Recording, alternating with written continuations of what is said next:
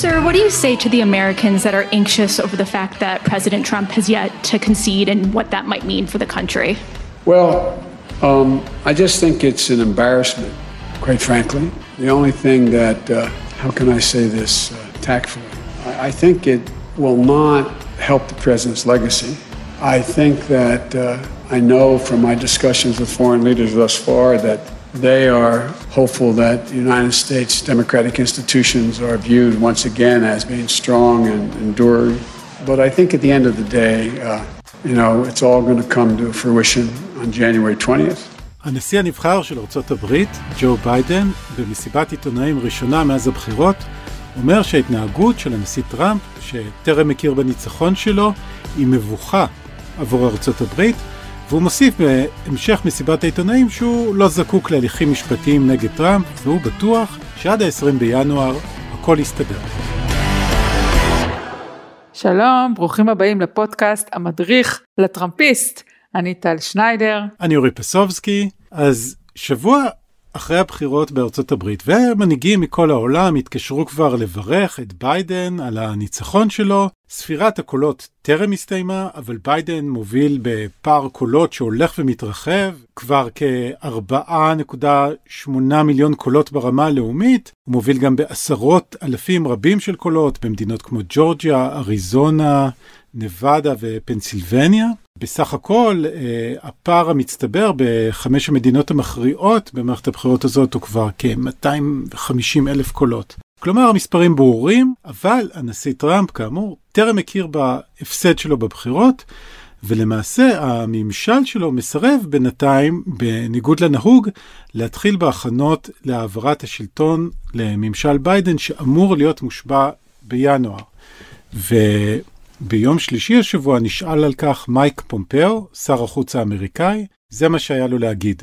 There will be a smooth transition to a second Trump administration.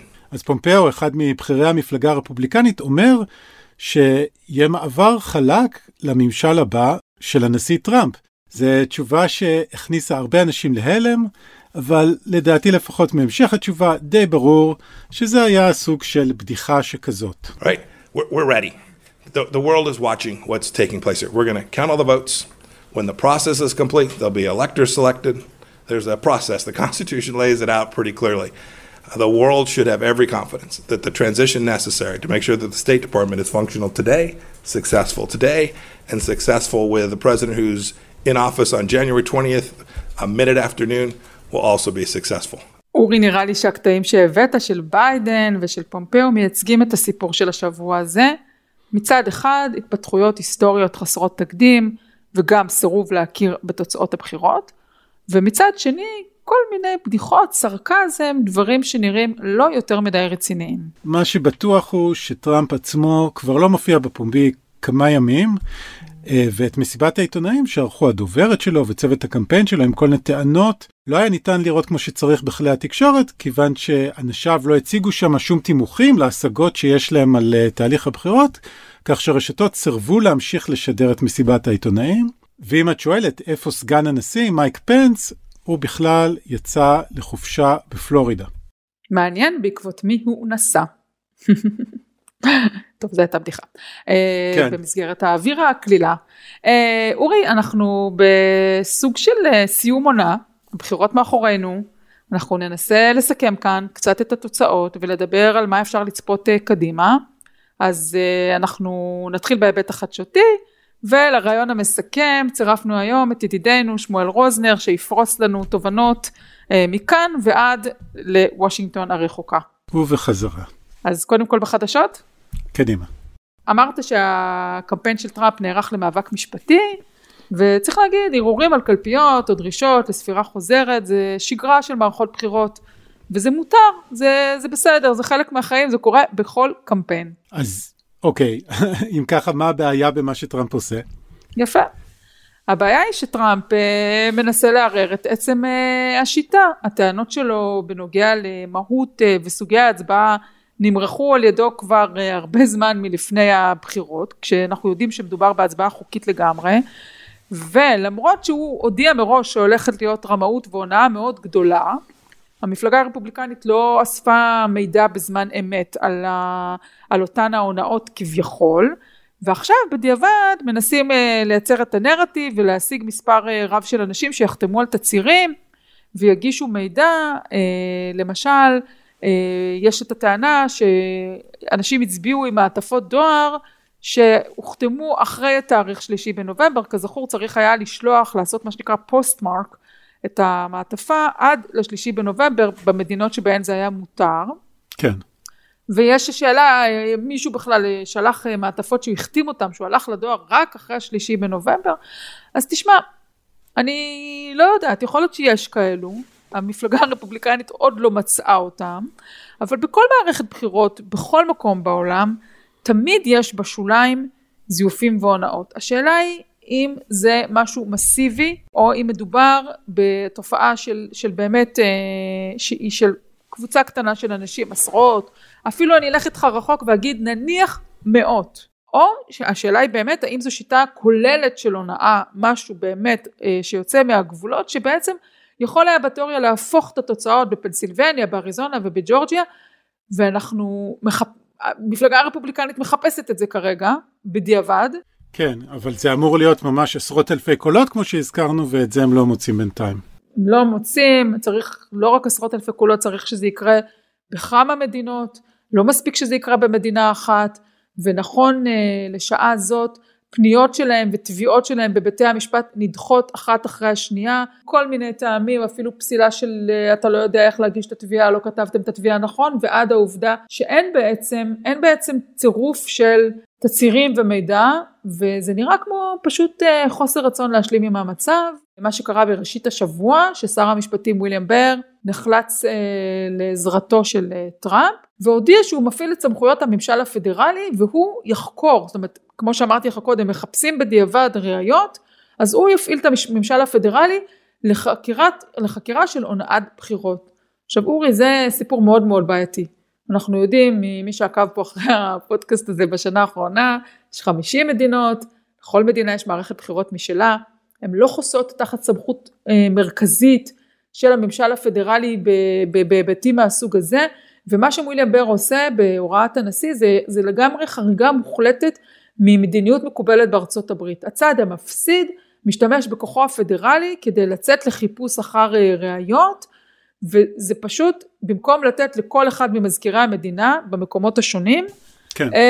אה, לסכום, לסכום את התוצאות, זה חריג מאוד. כן, וביום שלישי ראינו כבר שמי ש... אחראי על הנושא של פשעי בחירות במשרד המשפטים, אה, אדם בשם ריצ'רד פילג'ר, התפטר, הודיע שהוא לא יכול להמשיך אה, למלא תפקידו לאור הממו שהוציא בר.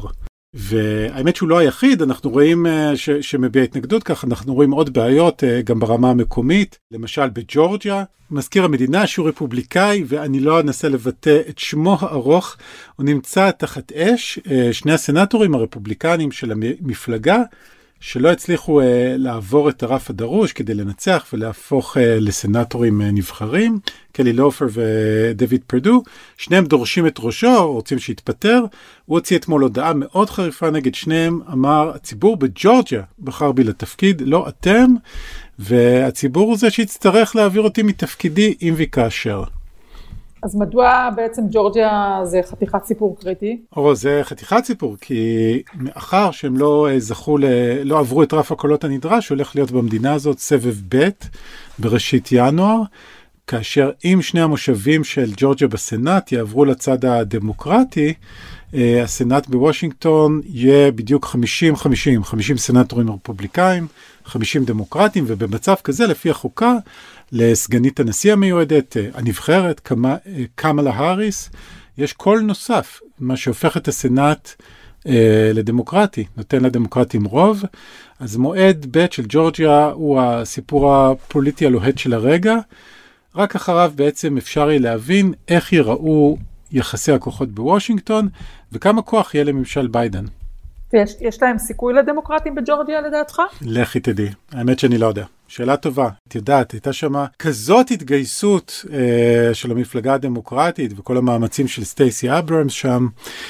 מצד אחד היא בנתה שם תשתית, מצד שני אני לא יודע אם את יכולה ליצור את אותו אפקט פעמיים. מה דעתך? אה, שתכף נשמע גם מה רוזנר חושב על זה בריאיון איתו, אני, אני סקפטית, אני סקפטית, אני חייבת להגיד, אבל אי אפשר לדעת, אה, נראה. טוב, אורי, מה, מה עוד, מה, מה עוד שמה בבחירות? אני חושב שככל שהימים עוברים, אני, לפחות אני בתחושה שהנרטיב של הבחירות האלה הולך ומשתנה, כי בהתחלה היה... טרם הגיעו כל הקולות אה, במעטפות ולא היה ברור גודל הניצחון של ביידן ודיברו על זה שהסקרים טעו טעות מרה. אחר כך דיברו על זה שאולי ביידן ניצח ככה ניצחון דחוק אבל uh, הטראמפיזם עדיין איתנו יש לו קהל. אני לא יודע איך את רואה את זה עכשיו כשאנחנו קצת ב, בשבוע של מרחק ויש יותר קולות uh, שנספרו כבר. אני חושבת שהטראמפיזם הפסיד בגדול וההתנהגות הטראמפיסטית של אדם ושמו טראמפ בשבוע של אחרי הבחירות גם מוכיחה את זה. Okay. אוקיי. Uh, באמת התחתית שאליה הגיע השיח הציבורי בארצות הברית הרחיקה, הרחיקה את הציבור ממנו. Uh, אתה יודע, אנשים ככה שאני אומרת להם את זה אומרים תראי אבל עדיין 70 מיליון איש זה משמעותי ביותר. ולדעתי זה, יש, יש עוד ראיות שמצטברות ככל שחולפים הימים לכך שהטראמפיזם הפסיד. למשל. אה, אוקיי, אז קודם כל ברור שלביידן יש הרבה יותר קולות, אמרנו קודם פער של כמעט חמישה מיליון, וגם פער באלקטורים, אה, אז יש לו את אותו מספר אלקטורים שהיה לטראמפ ב-2016, אבל ההבדל הוא שיש לו את הקול הפופולרי איתו ובגדול, mm-hmm. והראיה הכי מובהקת, שאתה רואה מקומות רבים בארצות הברית, שבהם מועמדים רפובליקנים שמרנים, או בבית הנבחרים, או בסנאט, ניצחו, אבל בעצם כשהם הלכו להצביע, הם השתמשו הרי באותו הפתק, הם היו צריכים לסמן למעלה, בחלק העליון של הפתק, מה שנקרא the top of the ticket, את בחירתם לנשיא, ובחלק התחתון הם היו צריכים לסמן את המועמד המקומי. והם פיצלו, הם מה שנקרא, הם פיצלו, זה, זה, זה די חריג, זה די נדיר, האמריקאים לרוב, הם, אם הם במפלגה אחת, הם פשוט מסמנים את הכל.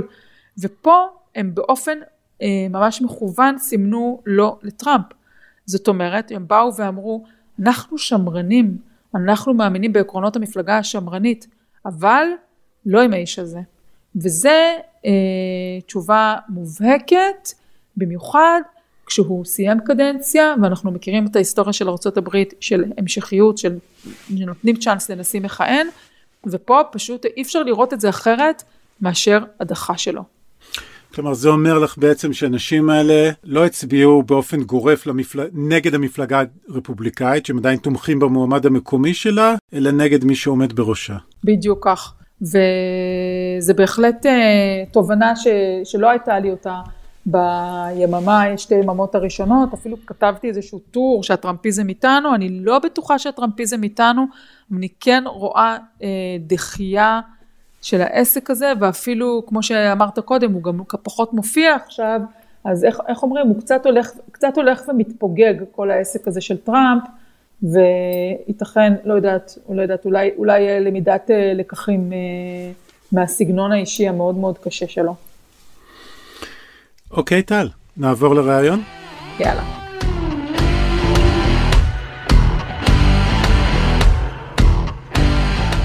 נמצא איתנו שמואל רוזנר, בעל טור המכסה את הפוליטיקה האמריקאית שנים ארוכות, מכהן גם כעמית בכיר במכון למדיניות העם היהודי, עורך ספרי עיון בהוצאת כנרת זמורה דביר.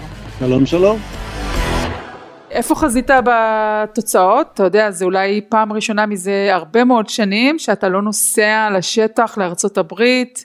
איך הרגשת להיות כאן? זה היה מוזר, אה, אני מ-96 ועד השנה הייתי בכל בחירות אמריקאיות, כולל אמצע קדנציה. כלומר, כל שנתיים, בכל מערכות הבחירות מ-96 ואילך אה, הייתי, אבל uh, החלטתי שהפעם אין לי כוח, זה מדי מסובך, וגם הייתה לי תחושה שאיכשהו השטח יהיה פחות מעניין הפעם בגלל הקורונה. אני לא משוכנע שצדקתי בזה, אבל, אבל זאת הייתה תחושתי מראש. אה, וביליתי את הלילה, את לא היית בארץ, אז את לא יודעת, אבל ביליתי אותו באולפן אה, ערוץ 11, כפרשן כאן לענייני הבחירות בארצות הברית.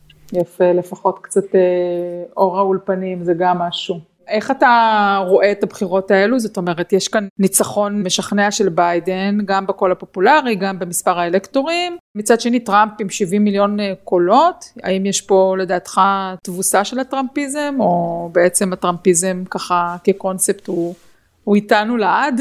לא, קודם כל, לעד זה בוודאי אני לא יודע להגיד. אני חושב שיש כאן ניצחון ברור לביידן, אבל, אבל המילה משכנע נראה לי קצת מדי מרחיקת לכת. הניצחון של ביידן הוא ניצחון פחות משכנע מכפי שהסקרים חזו, פחות משכנע מכפי שכל שונאיו של טראמפ קיוו. זה ניצחון שהוא לא מוטל בספק בעיניי, ברור שהניסיון של הנשיא להטיל בו ספק הוא ניסיון קצת מוזר ואולי אפילו פתטי, אבל...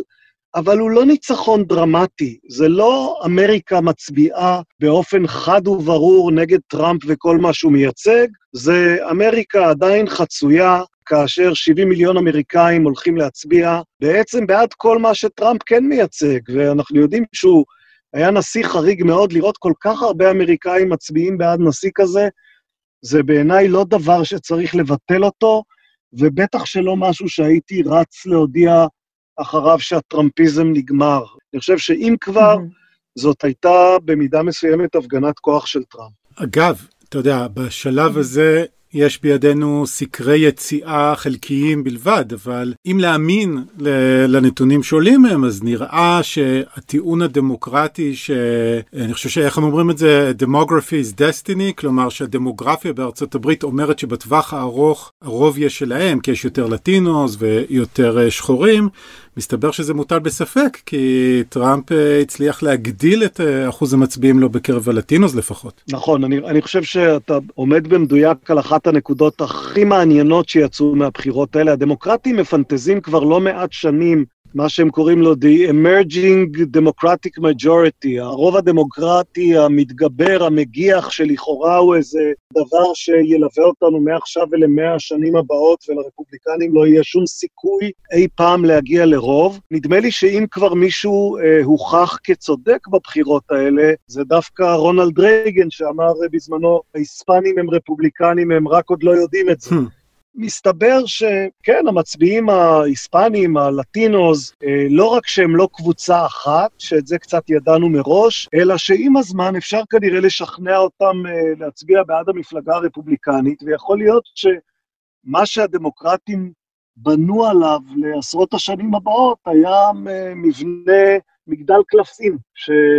אם התחיל להתמוטט בבחירות האלה, אי אפשר לדעת מה יקרה לו בבחירות הבאות. אני הייתי בפלורידה בשבוע שעבר, וזה מאוד מאוד בלט שם. בהצהרות ובאירועים של טראמפ הייתה תחושת שטח אה, חזקה גם של הלטינוס ובכלל של הצלחה של טראמפ אבל אני אגיד למאזינים רק שאם אתם אה, עדיין אה, בא לכם קצת להתעמק בנושאים האלו היה לנו פרק בחורף עם שי בזק שהיה קונסול ישראל במיאמי באותן השנים שבהם בדיוק את הסיפור של גור ובוש בשנת 2000 וגם בפרק הזה אורי ואני דיברנו איתו על זה שהלטינים הם בעצם יותר בערכי המשפחה יותר דתיים, מתנגדים להפלות, בעלי עסקים קטנים ולכן יש להם אולי איזשהו אה, חשש לדוגמה מהעלאת אה, מיסים ומביטוח הבריאות וכולי, זה די מעניין להסתכל על זה, אבל זה נכון שהדמוגרפיה הלטינית מאוד מאוד מפוצלת. נכון, גם פלור, פלורידה היא מקום שבו יש בולטות לקובנים, אז הייתה איזו תקופה שאמרו, טוב, הקובנים mm-hmm. הם החריגים.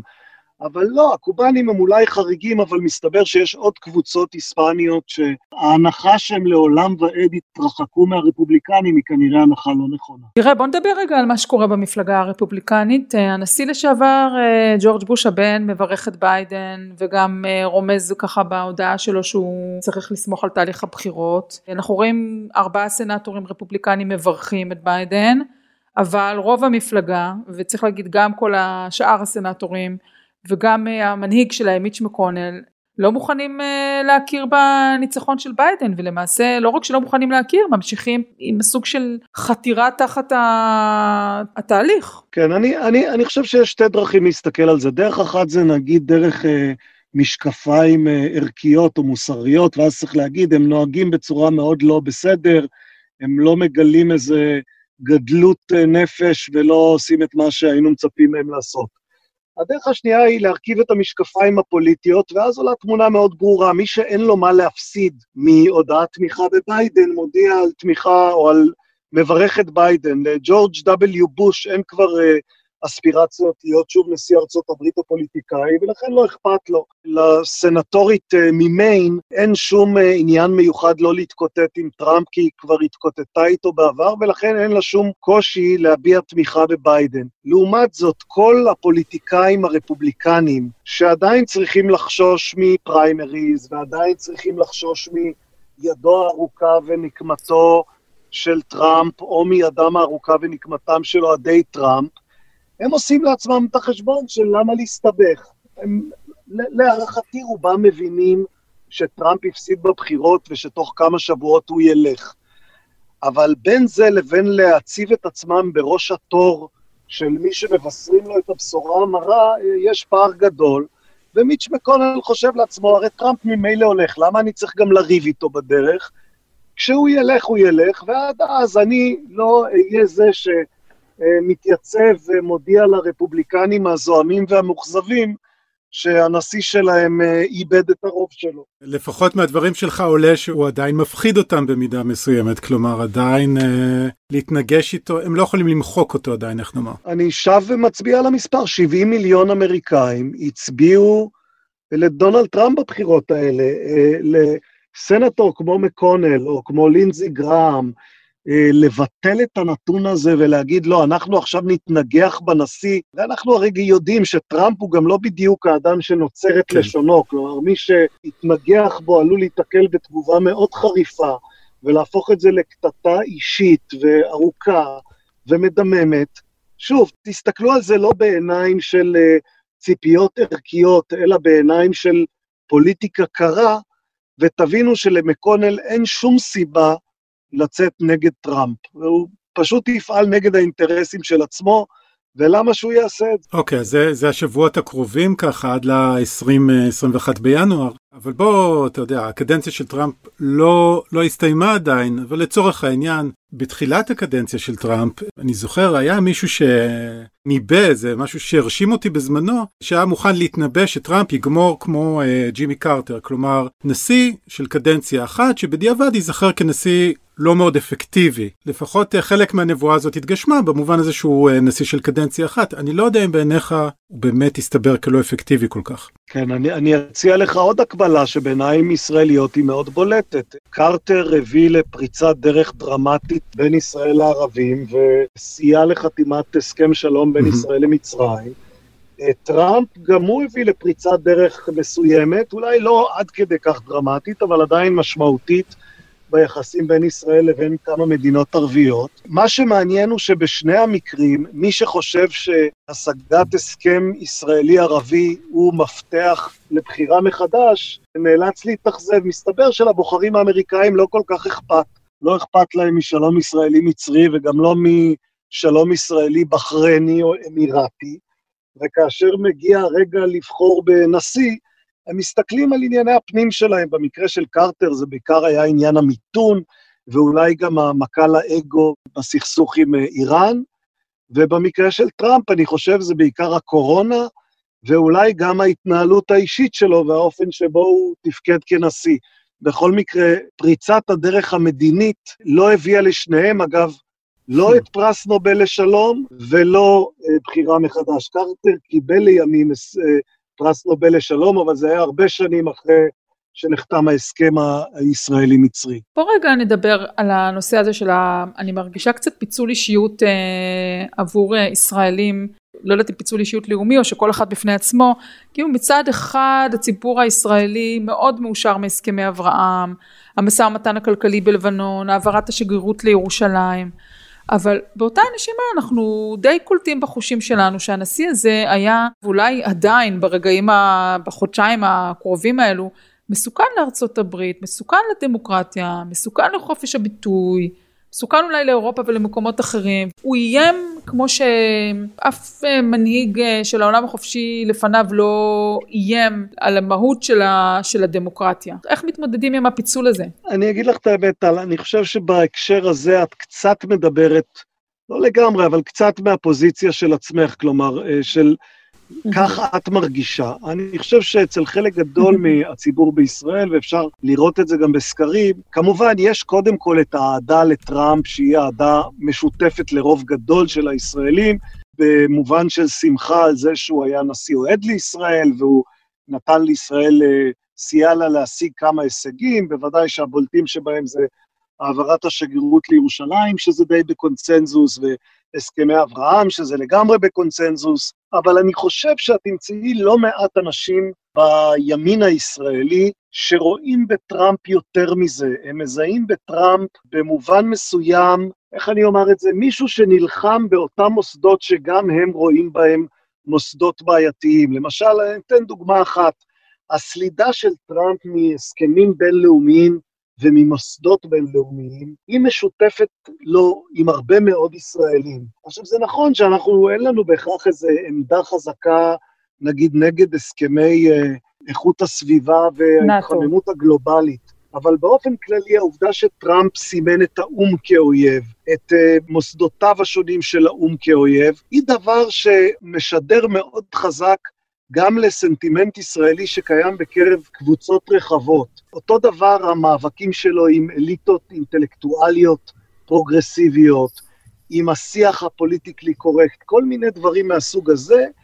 נדמה לי שפה יש לא מעט ישראלים שאפילו אם הם מרגישים קצת לא נוח עם השפה הבוטה שלו, עדיין הסנטימנט הזה שהוא משדר של מאבק באליטות המתנשאות, הליברליות מדי, הפרוגרסיביות מדי, הוא מאבק שהרבה מאוד אנשים כאן מזדהים איתו. אוקיי, okay, אני הייתי בתחושה שיש יותר אנשים שגם מבוהלים ממנו, אבל יכול להיות שזה רק אני. לא, אני לא חושב שזאת רק את, כלומר, לא, לא הייתי רוצה... שוב, אנחנו, כשאנחנו מדברים, אנחנו מדברים באופן טבעי בהכללות, אבל אם אני הייתי צריך להמר, אז הייתי מהמר ש...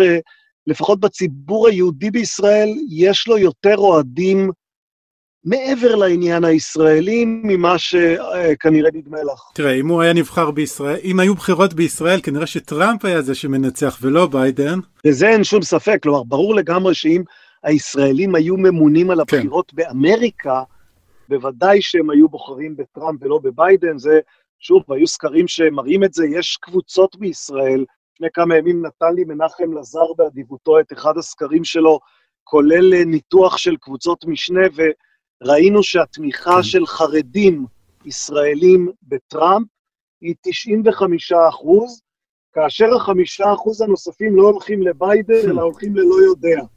כלומר, לביידן יש אפס אחוזים באוכלוסייה החרדית בישראל. אז אין לי ספק שטראמפ היה מנצח בבחירות בישראל, אבל שוב, אני חושב שיש משהו, אצל לא מעט ישראלים יש תחושה של שותפות גורל עם טראמפ, גם בהקשר הזה של המלחמה באליטות הפרוגרסיביות, המתנשאות כן. האליטיסטיות. אבל בכל זאת, באמריקה ביידן ניצח, אז אה, בוא נדבר גם עליו קצת. אתה יודע, אני רואה בימים האחרונים יש אה, איזשהו ניסיון למסגר את הנשיאות העתידית של ביידן, למסגר אותו כמין איזה גלגול מודרני של FDR, הנשיא רוזוולט שעשה אה, מהפך חברתי כזה בימי השפל הגדול, או לחלופין אה, לינדון ג'ונסון אה, שהקים את ה-Great Society.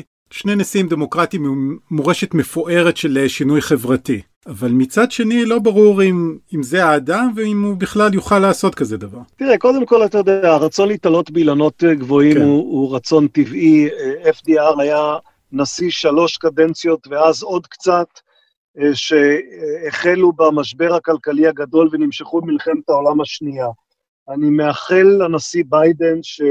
הוא לא יצטרך להתמודד עם משברים בסדר גודל הזה, ובאופן טבעי, כשאין משברים בסדר גודל הזה, קשה לעשות גם אה, רפורמות בסדר גודל הזה.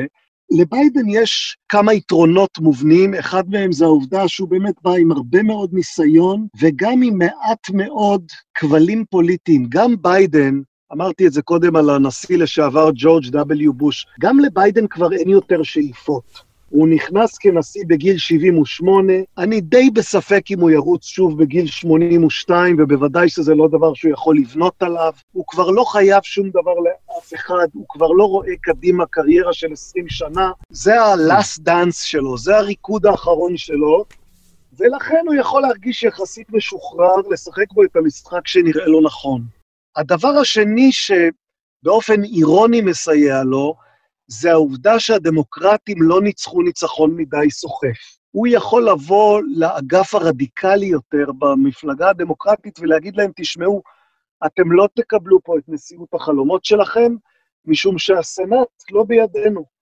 ולכן אנחנו צריכים לייצר פה מהלך שהוא מהלך של קונסנזוס, ולא מהלך של ניסיון להעביר פה איזה דברים שהם מחוץ למיינסטרים. עכשיו, מצד שני, הדבר הזה גם כובל אותו, הוא צריך לראות האם הוא יכול לייצר איזושהי נוסחה, שהיא נוסחה שמצד אחד לא תטורפד על ידי הרדיקלים במפלגה שלו, שהם אה, חבורה, הייתי אומר, די אה, מטורללת, ומצד שני... הזויה, כן. כן. ומצד שני, שלא יטורפד על ידי מפלגה רפובליקנית, שכל מה שהיא חושבת עליו זה על בחירות 2024 ועל אה, לא לוותר אפילו על אינץ' אחד. האם המשבר הוא מספיק דרמטי כדי לייצר קונצנזוס כזה? האם לביידן יש את הכוחות לייצר אותו? בואו נגיד ככה, אם אנחנו מסתכלים על ממשלת האחדות שלנו, אה, אז אה, לא בטוח שזה תמיד אפשרי.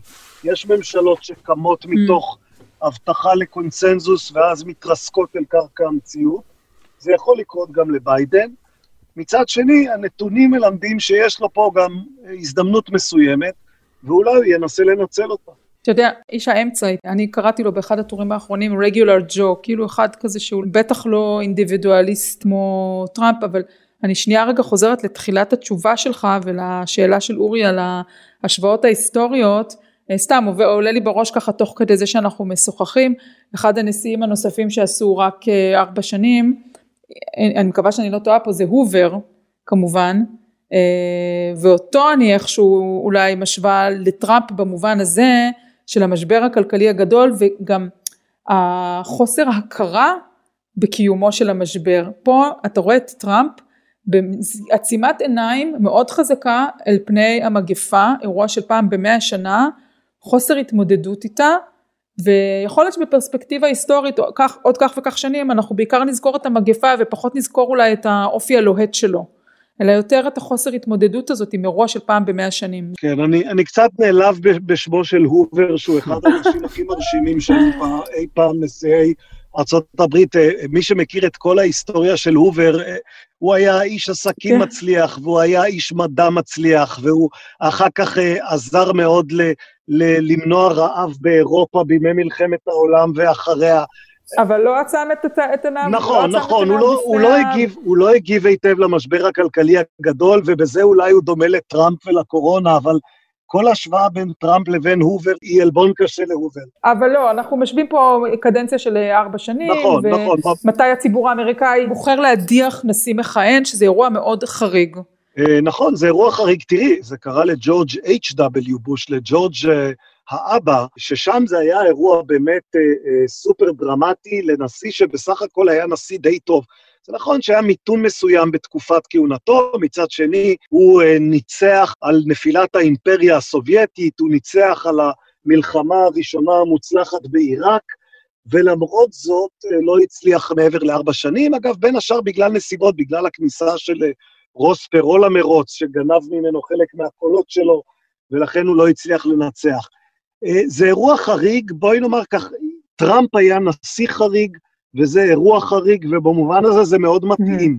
מתאים שנשיא כל כך חריג כמו טראמפ ייתקל גם באירוע חריג כמו חוסר יכולת לעבור לעוד ארבע שנים. אגב, בתשובה שלך אתה אומר שאין לו רוב בסנאט, אתה מניח שבעצם uh, הדמוקרטים לא יצליחו לקחת שני מושבים בג'ורג'יה בבחירות שיערכו שם בינואר. א', הסיכוי שהם יצליחו לא נראה לי מאוד גדול, וב', גם אם הם יצליחו, אז בסדר, אז זה יהיה מאוד צמוד בסנאט. הוא בוודאי לא נהנה מרוב כן. שיכול לאפשר לו ללכת רחוק. למהלכים כמו נניח אה, המהלך של ברק אובמה שהעביר ב-2009 את חוק הבריאות הממלכתי, כדי להעביר רפורמות כן. בסדר גודל כזה, אתה צריך mm-hmm. עוצמה כן. יותר חזקה בקונגרס. שמואל, אה, אנחנו יודעים את מי ביידן מתכוון למנות, איך ייראה הממשל שלו, או שעוד מוקדם מדי לדבר על זה?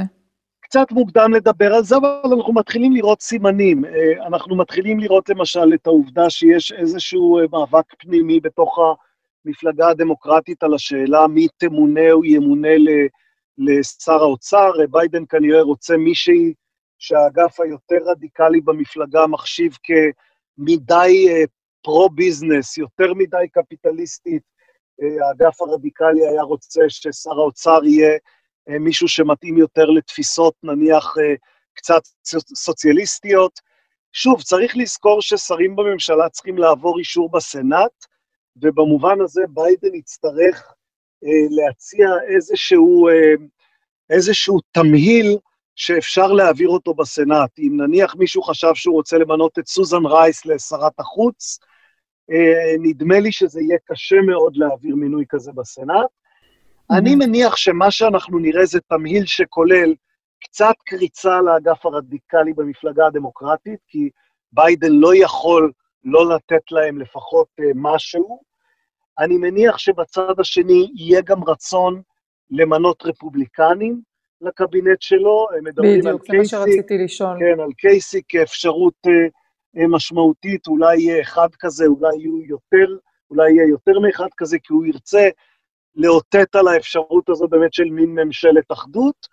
ומעבר לזה, אני חושב שזה יהיה קבינט uh, די מקצועי, מיינסטרימי, ברוח של ביידן. ביידן יגיד, אני באתי פה לנהל מדיניות עניינית, ולא לקרוץ פה לאידיאולוגיות קיצוניות, ונדמה לי שזה מה שהוא ינסה לעשות גם במינויים שהוא יציע לקבינט שלו. רק להעיר משהו לגבי המועמדת אה, שהזכרת לשרת האוצר, שאגב, לא הייתה אף פעם שרת אוצר בארצות הברית, אה, כלומר לא הייתה אישה בתפקיד הזה.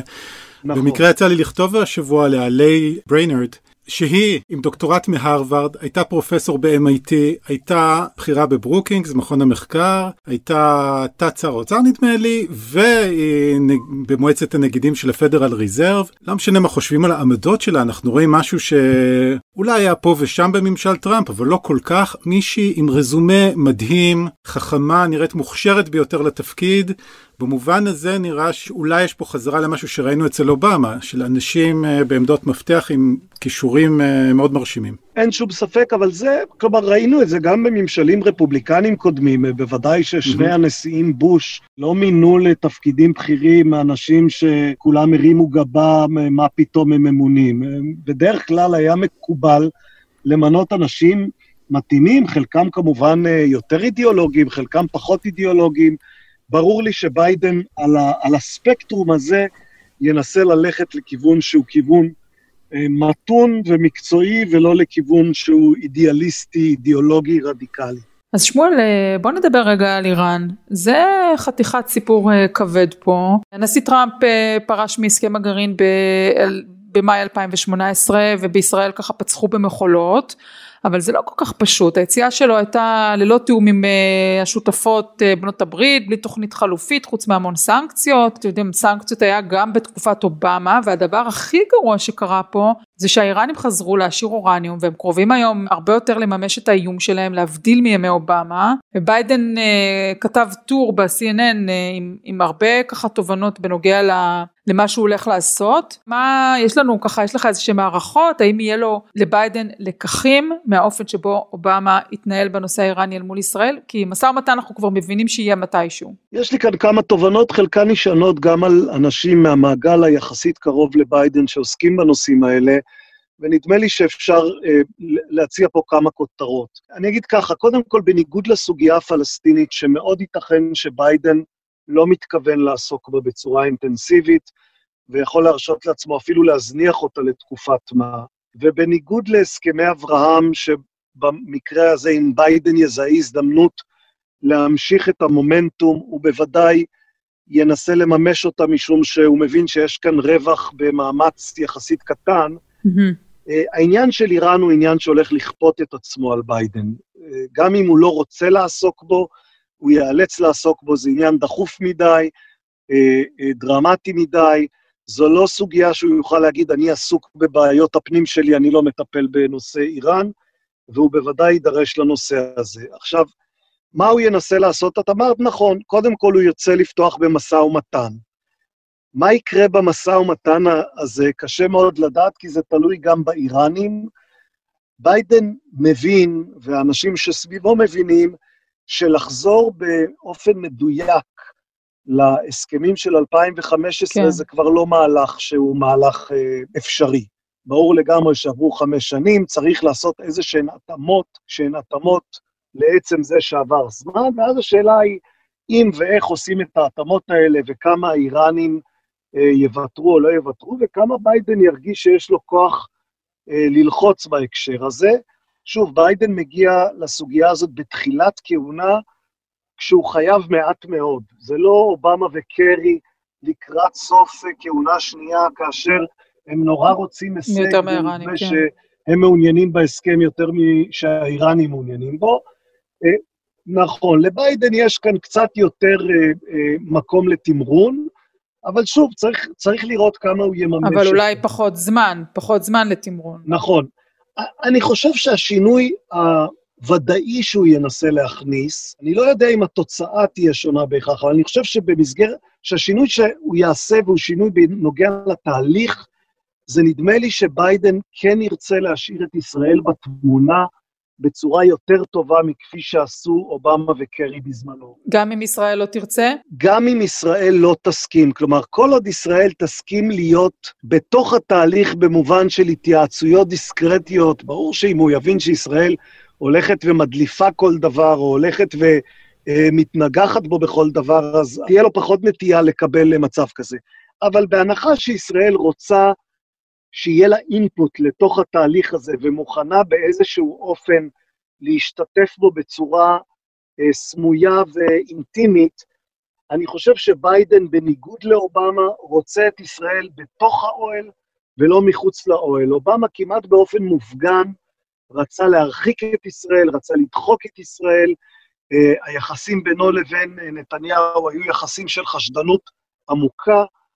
הייתה שם גם אה, נטייה אישית מסוימת, ואגב, אני לא מאשים צד אחד, נדמה לי שבשני הצדדים היה גם איזשהו רצון להתנגחות ולנקמנות.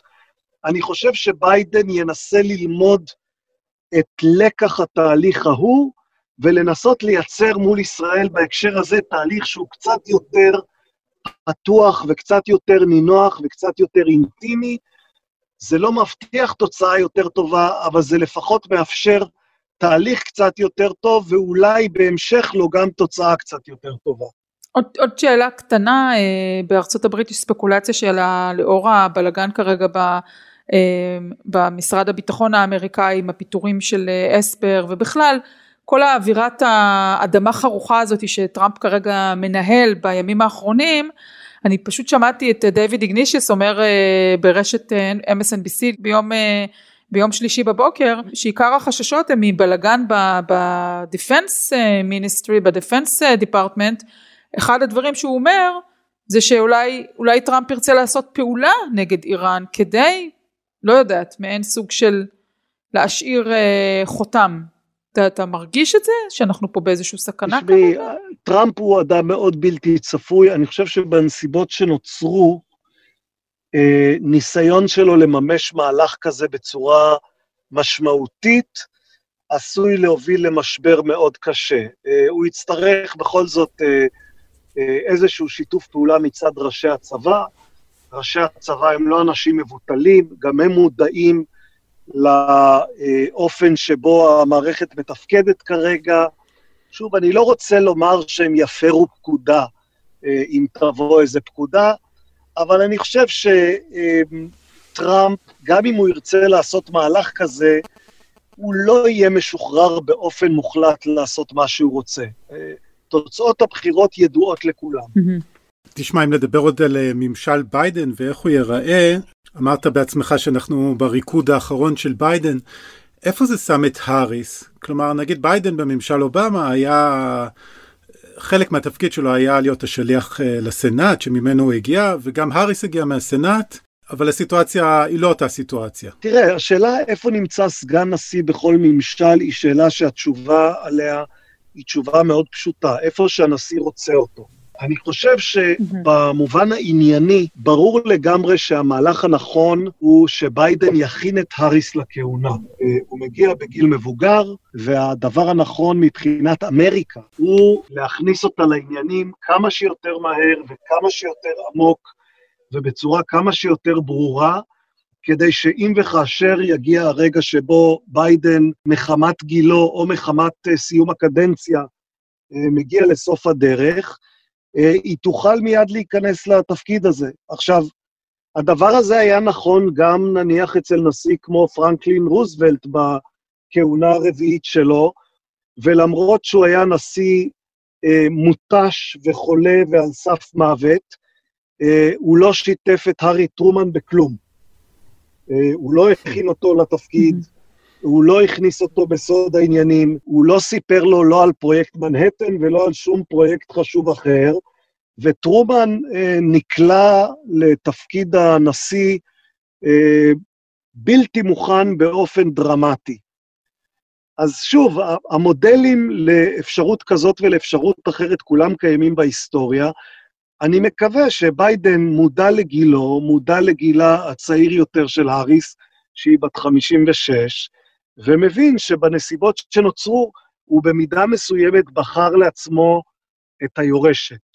ואם הוא בחר את היורשת, אה, אז הוא צריך להכין אותה. אגב, אם הוא בחר לעצמו את היורשת, הוא עשה מהלך שגם הוא, מבחינה היסטורית, מהלך מאוד משמעותי. יכול להיות שהדבר הכי חשוב שביידן עשה, ואו יעשה, הוא הבחירה בקמאלה האריס, כלומר, הבחירה בנשיאה הראשונה של ארצות הברית. אה, זה בוודאי מורשת כן. משמעותית. אז שוב, זה, זה בסוף תלוי בו, וזה תלוי במערכת היחסים שתיווצר ביניהם.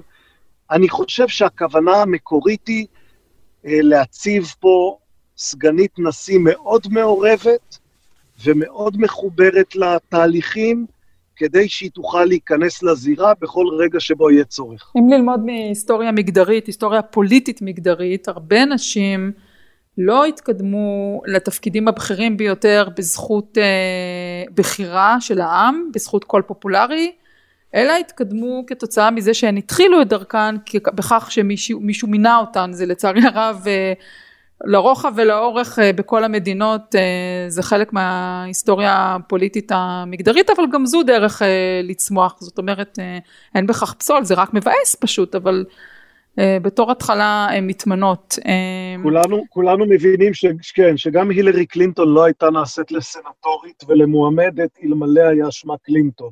כך אני חושבת, לצערנו הרב. זה התחיל באותה בת הזוג, אחר כך היא כמובן שהוכיחה את עצמה בהרבה חזיתות, אבל אה, היא עלתה להבלטה בזכות, אה, וזה אולי אחת הסיבות שהיא לא נבחרה לנשיאה. אה, תשמע, אבל שוב, ביחסים עם הסנאט, בגלל ש... ביידן יש לו את הכישורים, לא רק ביידן אגב גם פנס היה זה שרץ הלוך ושוב לסנאט וביידן מדברים עליו היום כמי שבקשר עם מיץ' מקונל, הוא חבר של, אה, גם של מיט רומני, הם שם החבר'ה, הם כל כך הרבה שנים ביחד, והוא זה שידע כביכול, כשיהיה לו צורך אולי ברוב, לכנס את ליסה מורקובסקי ואת סוזן קולינס ואת בן סאס וכולי. ואז אני שוב בעצם אומרת, אז מה איתה? זאת אומרת, היא, היא, היא הרי בסנאט, כמה היא? פחות מארבע שנים סנאטורית, מה, מה היא לעומתו ביכולות פוליטיות? לא הרבה לעומתו ביחידות, בכישורים או בניסיון פוליטי, בוודאי ש... ביידן מגיע לתפקיד הזה אה, מבושל כפי שאפשר, ואולי קצת מבושל מדי אפילו. אה, נכון, נכון, אין ספק ש, שבמובן הזה הוא המורה והיא התלמידה, ולא להפך. אה, צריך לומר שלסנאט כן יש מסורת מסוימת שכאשר בא מישהו מתוך הסנאט והופך לנשיא ואו בעל תפקיד בכיר בממשל, יש איזה קשב אליו בבית הזה שהוא קשב יותר מהרגיל. העובדה שהיא הייתה סנטורית נותנת לה מידה מסוימת של אה, נניח אה, כיבודים בקרב מכריה אה, בסנאט, אבל אין שום ספק, ביידן ידבר עם הסנאט באמת כמו שעשה בזמנו לינדון ג'ונסון, או כמו שעשה בזמנו ג'רלד פורד, שבא מבית הנבחרים, לא מהסנאט. כלומר, נשיאים שבאים עם רקע מאוד עשיר, מאוד עמוק מהקונגרס, יש להם יכולת לתמרן את הקונגרס כמו שלנשיאים אחרים אין, ובמובן הזה ביידן, שוב, זה, זה אחד הכלים, זה אחד היתרונות שהוא מביא איתו לנשיאות הזאת, וצריך להניח ולקוות שהוא יוכל לעבוד איתו. תשמע, אז ככה אה, אנחנו מתכנסים אה, לקראת אה, סיום, נחזור לנושא שדיברנו עליו פה לאורך, לאורך הפודקאסט בעצם, וכמו שאתה גם צפית מראש, כל היהודי שוב הלך לדמוקרטים, פה אנחנו לא ראינו אה,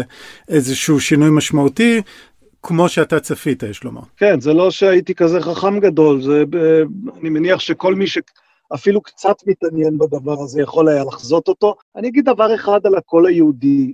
דונלד טראמפ, כפי שהוא העמיק את הקיטוב בכלל החברה האמריקאית, הוא העמיק את הקיטוב גם בקרב היהודים. גם אצל היהודים, זה, זה נכון שמבחינת האחוזים, האחוזים הם די דומים למה שראינו בעבר, השאלה אם זה 75, 25 או 70, 30, זה לא כל כך דרמטית בעיניי. אנחנו נמצאים באותו אזור חיוג שאנחנו רגילים אליו מבחינת הפיצול של הקול היהודי. אבל כשאנחנו נכנסים יותר לעומק, לעמדות ולסנטימנט שמביעים בוחרים יהודים, אנחנו רואים שגם בתוך הקהילה היהודית, הקיטוב בין בוחרי טראמפ לבין בוחרי ביידן הוא קיטוב הרבה יותר עמוק מכפי שהיה פעם. ברור לגמרי שבוחרי ביידן מסתכלים על בוחרי טראמפ כאילו הם עב"מים שעושים מעשה שהוא לא רק פוליטית לא נכון, אלא שהוא ממש מעשה לא מוסרי, ומצד שני שבוחרי טראמפ מסורים לטראמפ הרבה יותר מכפי שבוחרים של מועמדים רפובליקנים קודמים היו מסורים להם. אנחנו רואים יהודים טראמפיסטים בצד אחד, ואנחנו רואים יהודים שהיחס שלהם לטראמפ הוא יחס של אה, סלידה ותיעוב בגבהים שלא ראינו כמותם, ובמובן הזה, שוב, הקיטוב הכלל-אמריקאי מחלחל גם לתוך הקהילה היהודית. אה, אני אומר את זה לעיתים קרובות, לאן שאמריקה הולכת, גם היהודים של אמריקה הולכים. נדמה לי שגם בהקשר הזה אנחנו רואים בדיוק את התופעה הזאת. מעניין ממש, לא, לא חשבתי על זה ככה, אה, אה, ראיתי רק את המספרים וחשבתי שאולי טראמפ דווקא למרות המהלכים שלו אל מול ישראל שהיו כאן מאוד אהודים, אה, דווקא זכה בעוד פחות קולות של יהודים, אבל אני מסכימה עם התובנה שלך שזה באמת לא משנה אם זה 26 או 27 או כל המספרים האלו שמה. טוב תשמע, אתה יודע, גם אנחנו פה מתקרבים לסוף הפודקאסט, סוף הפרק, סוף הפודקאסט, ש... כי הרי עונת הבחירות נגמרה. אני תוהה במישור האישי איך אתה נערך לסיום עידן טראמפ. אני חושב שעבור כולם, בטח עבור uh, מי שבתקשורת או עוקב אחרי פוליטיקה אמריקאית, אה, טראמפ היה מין אה, כמו חור שחור כזה, ששדה המשיכה שלו מושך אותך ואת הזמן שלך ואת uh, תשומת הלב שלך בטוויטר, גם אם לא כל כך רוצים. לא יודע אם אתה נערך נפשית. uh, לעידן שאחרי, אם הסקת מסקנות לגבי עצמך מהארבע השנים האלה. ירידת כמות המנויים לכלי כן, קודם כל, אם אתם מורידים את הפודקאסט, אז כבר אני ארגיש מחסור משמעותי. אה, אני, אני חושב שאם לא עשו את זה עד היום, אז ראוי שלפחות אני אעשה את זה, לברך אתכם על המאמץ הזה ועל ה, על הנחישות ועל ההתמדה ועל כל הדברים שבאמת מציינים את התוכנית הזאת אה, לטובה לעומת הרבה מאוד דברים ש, שאנחנו רואים. אה, יש חשיבות בעיניי לזה שאפשרתם שיח רצוף וארוך ומתמיד ומעמיק אה, בהקשר לזירה האמריקאית, שלא תמיד מתאפשר, נגיד, בערוצים אחרים. אז, אז קודם כל, באמת, כל הכבוד לכם וואו, על תודה, זה. תודה, שמואל. עכשיו, בהקשר לטראמפ, כן, זה יהיה מוזר להתרגל לשקט. אה, זה יהיה מוזר. אה, אני מקווה, ש, אני מקווה שנצליח להתרגל אליו. טראמפ באמת שאב המון אנרגיה והמון כוחות, ואני חושב שבאיזשהו אופן בזבז את זמננו בהמון מובנים. אה, זה יהיה נחמד אם נוכל להקדיש את הזמן לדברים חשובים יותר ולא לציוצים. אה, שוב, אני, אני, רואה גם, אני רואה גם לא מעט יתרונות של טראמפ, זה לא שאני חושב שהוא היה נשיא שיש בו רק רע ולא טוב, או רק טוב ולא רע, אני חושב שבכלל הנטייה שלנו להסתכל על העולם כאילו הוא עולם uh, בינארי, שזה או אפס או אחד ואין באמצע, היא נטייה לא טובה. טראמפ עשה דברים חשובים, הוא הציף בעיות חשובות, הוא נתן ביטוי לקהלים חשובים, ושוב נחזור ל-70 מיליון שהצביעו בעדו. אני חושב שאת כל זה לא צריך לקחת ממנו, ומצד שני, נדמה לי שכמות הרעש הייתה לא בריאה, לא במובן האישי ולא במובן החברתי והפוליטי, ואם אפשר יהיה להוריד קצת את גובה הלהבות לתקופה הקרובה ולהתפנות לעניינים אחרים, אז uh, אני בוודאי אברך על כך. אחלה סיכום. ושוב תודה על המחמאות, אנחנו כן, מסמיקים פה רבה. בקצה השני של הפוד. התכוונתי לכל מילה. טוב, שמואל רוזנר, אה, סיכום, אה, אני חושבת, ראיון אה, ארוך אה, על פוליסי ועל עוד דברים, אנחנו מאוד מאוד מודים לך על הצטרפותך. ועל כל, אה, כל ההבחנות במהלך כן, השנה, ונהיה בקשר. ספרו לנו בהקדם אה, מה, מה קורה עם הפודקאסט, מתי מתחיל הפרויקט הבא. כן. תודה רבה רוזנר. להתראות. אורי, הגענו לפינאץ. כן, נשארו עוד בוטנים בקערה. עוד אמ, קצת בוטנים לפצח לרגע האחרון. ה-Late Night Shows, ג'ימי פלון, הוא מחליט לעשות הפתעה לסטיב קורנקי במשרד המבולגן שלו. אם המאזינים שלנו לא יודעים אחרי השבועות האחרונים מי זה סטיב קורנקי, אז אתם בצרה צרורה. כי כל מי שישב דבוק למסכים וניסה להבין כמה אנשים הלכו בג'ורג'יה להצביע ולמה בפנסילבניה המעטפות יכולות להגיע עד שישי בנובמבר, יכול היה לראות את קורנקי על מעין מסך אינטראקטיבי עם טושים ככה ומפות, מקשקש ומסרטט ובעצם עומד עם עיניים אה, בערנות כמעט מלאה, אני חושבת כמה זה שבעה ימים רצוף. המקביל שלו, ג'ון קינג ברשת CNN, הם שניהם אה, היו באמת ערים אה, שעות אה, מטורפות. ובקטע נחמד שתכף תשמעו, אה, פלון אה, מחליט אה, להודות מעומק ליבו לכל העיתונאים שעבדו מאוד קשה. ואז הוא אומר, רגע, אני גם נמצא פה, אני עובד פה באותו בניין של קונקי, בוא נלך לחפש אותו, הוא מסתובב במסדרונות, ואז בוא נשמע, הוא מוצא אותו, בוא נשמע את הקטע. We were here, we're at the right place. Look, MSNBC, this is the floor. Gosh, it's dark. Are these temporary offices? Kornacki! Kornacki! This is like bizarre. Steve Kornacki's office. Hello, can I come in? What's up, dude? How you doing? Wow! Oh my. This is the office? What in the what?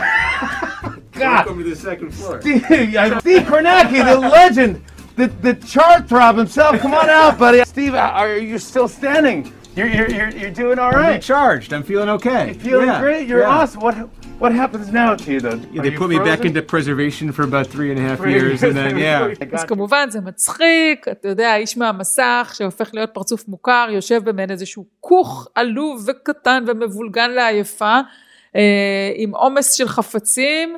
וככה קורנקי מתלוצץ, שואל, שואל אותו, פלון שואל אותו, מה עכשיו? אז הוא אומר לו, אה, עכשיו מכניסים אותי לשימור. לפרזרוויישן, לשלוש שנים וחצי. מה אתה מביא לנו אורי? טל, אני מביא קטע ששלח לנו אילן מאזין קבוע של הפוד מארצות הברית. תשמעי, אמנם הקטע הזה אה, הוא מהחודש שעבר, אבל איכשהו הצלחתי לפספס את זה. אה, אבל אולי כדי להסביר מה שומעים, נלך קצת אחורה ל-2008.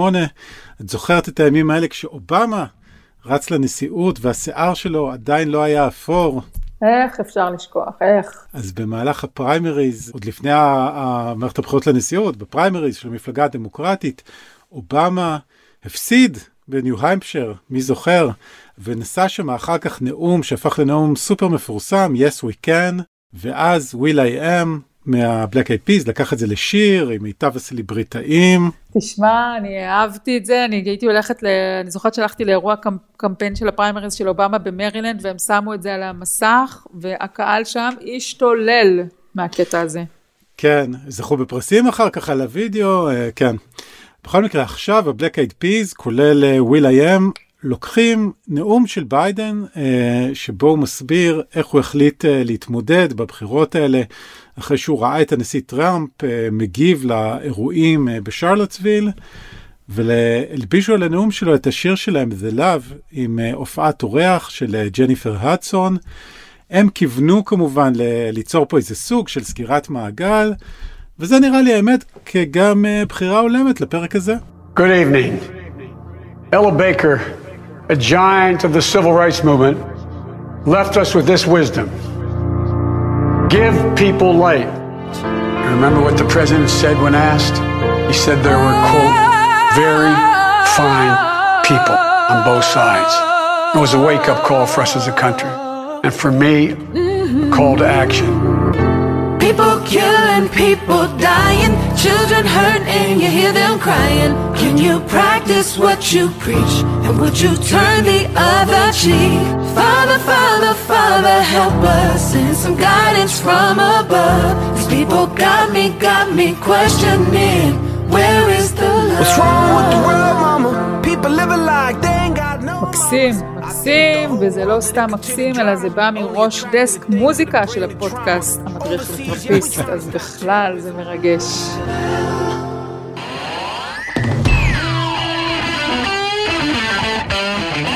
טוב, אורי, תשמע, שנה שלמה הגיעה לסיומה.